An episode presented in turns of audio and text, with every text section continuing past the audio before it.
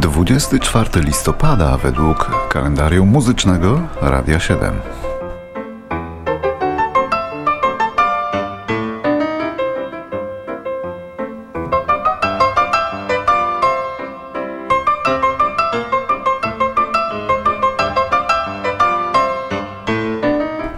Przegląd dzisiejszych rocznic rozpoczynamy od daty sprzed półtora wieku. W roku 1868 bowiem urodził się król ragtime'ów Scott Joplin, ciemnoskóry pianista i kompozytor, którego największy przebój to Entertainer, który właśnie słyszymy i który wykorzystano w słynnym filmie The Sting, Żądło. Muzyk ten zmarł podczas I wojny światowej.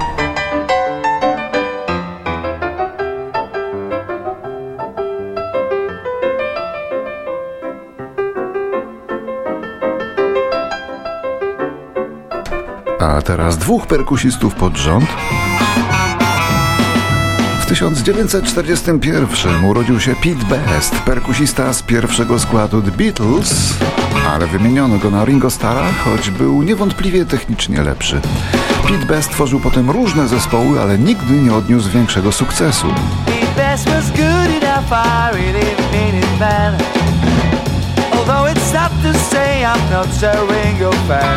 Ringo Starr stał się gwiazdą.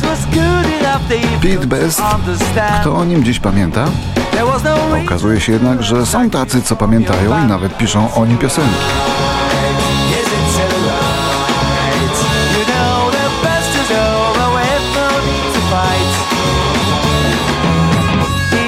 was good enough, why don't they check you out? Your are just what rock and roll's about. The best was good enough, I really dig your sound. And I don't they care that you've gone underground, yes you will. O tym, że Pete Best nie był taki najgorszy, śpiewała polska grupa Timon and the Transistors.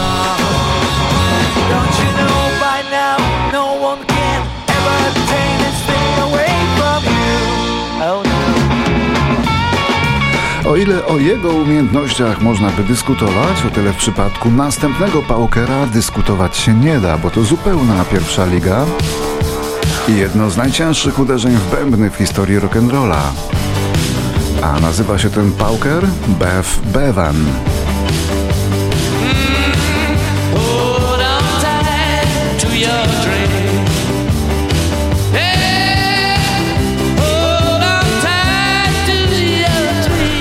Bevan to perkusista i wokalista grupy Electric Light Orchestra,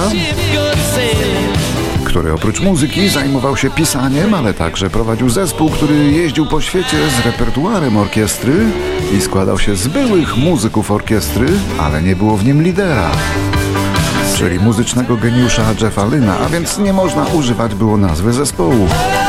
Bev Bevan jakoś sobie z tym poradził i występował pod taką nazwą Muzycy, którzy niegdyś grali w zespole Electric Light Orchestra. No i wszyscy wiedzieli o co chodzi.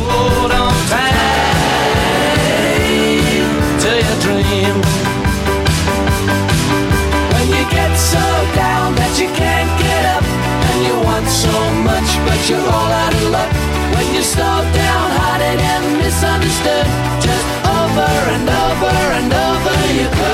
A w 1961 roku urodził się i ma dzisiaj urodziny dwukrotny gość naszego studia, Kuba Sienkiewicz, lider zespołu Elektryczne Gitary, który nagrywa również solo.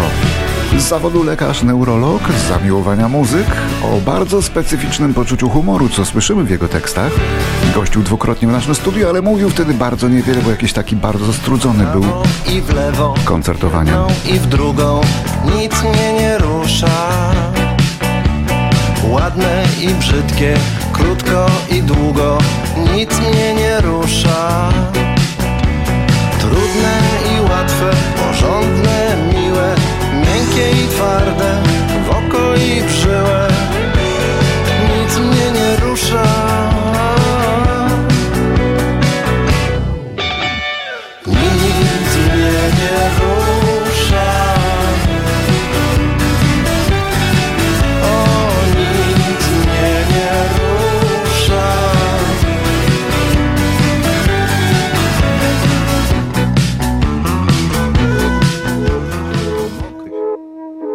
1966. Czwórka z Liverpoolu, zespół The Beatles zaczyna sesję nagraniową arcylegendarnego albumu Sgt. Pepper's Lonely Hearts Club Band.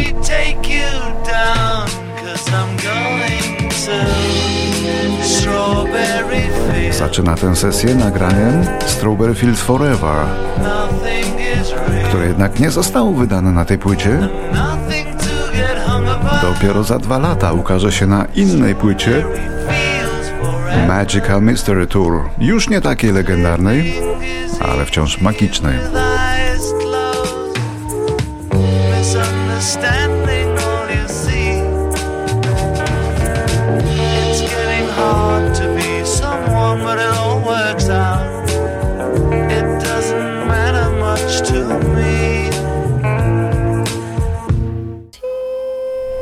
Tysiąc dziewięćset siedemdziesiąty dziewiąty.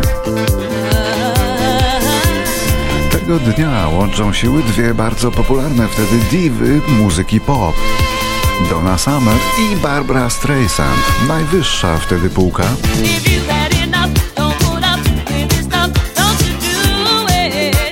W wykonaniu tego duetu piosenka No More Tears Enough is Enough szturmuje i zdobywa szczyt listy Billboardu.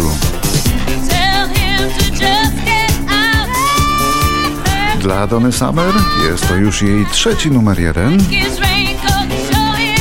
Dla Barby Streisand czwarty.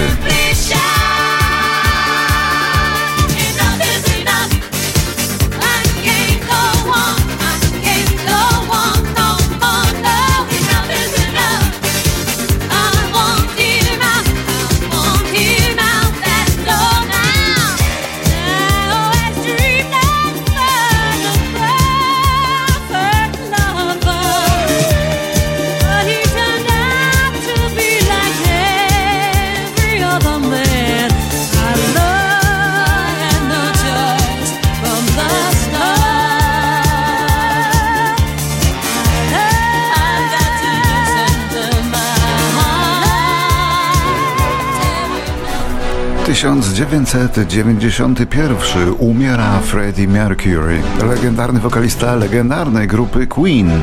Zmarł w swoim domu w Londynie, otoczony przez rodzinę i przyjaciół. Dzień wcześniej zaledwie oficjalnie ogłosił, że jest chory na AIDS.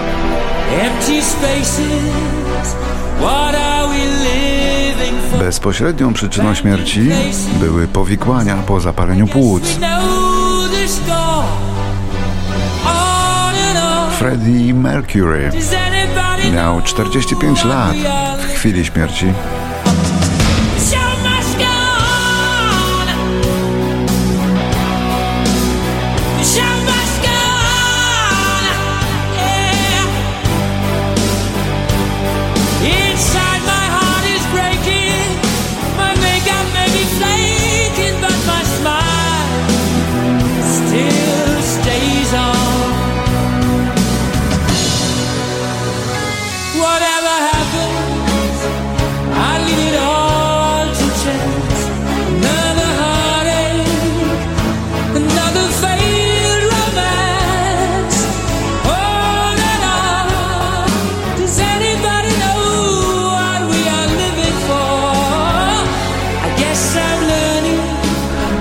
Odejście Frediego przyćmiło inną śmierć tego samego dnia.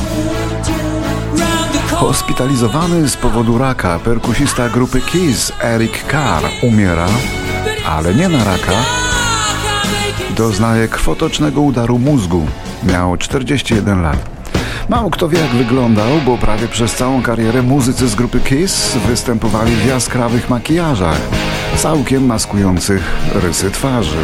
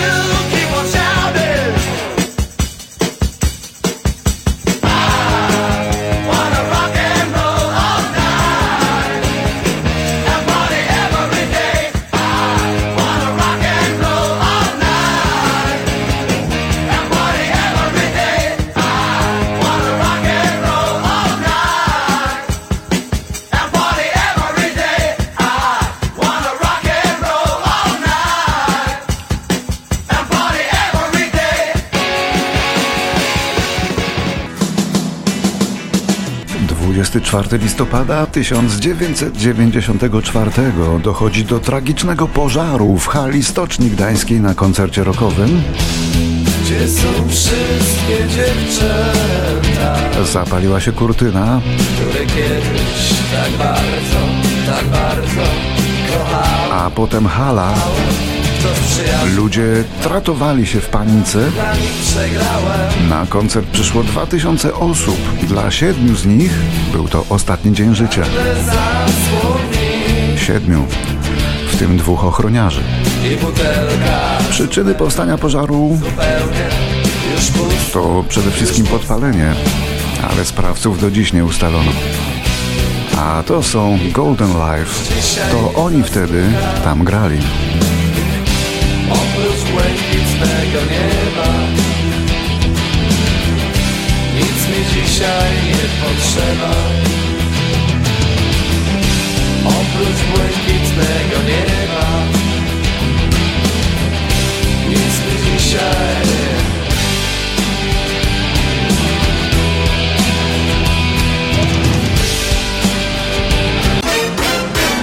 2005.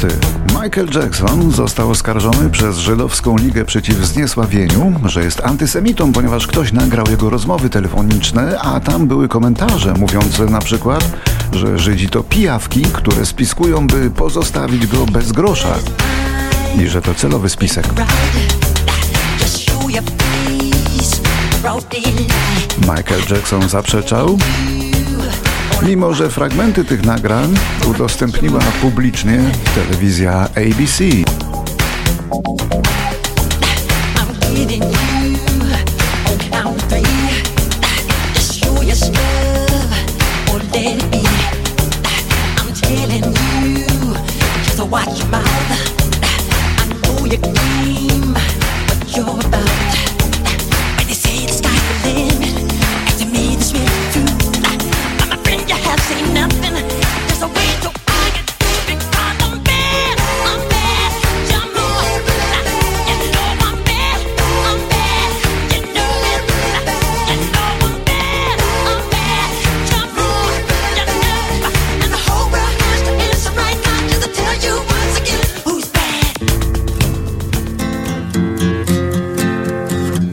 Rok 2014.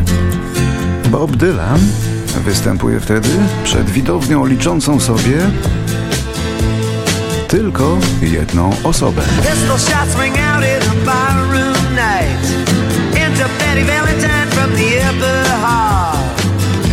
A bartender in a pool of blood. Cries out, my God, they've killed them all. Ma to miejsce w Akademii Muzycznej w Filadelfii, a owym jedynym słuchaczem koncertu był niejaki Frederick Wigginson, super wierny fan Dylana. Koncert ten był częścią większego eksperymentu, w którym poszczególne osoby przeżywały wyjątkowe wydarzenia w swoim życiu, które normalnie dzieliliby w dużym towarzystwie na widowni. Co eksperyment ten miał niby udowodnić? Tego nie wiemy.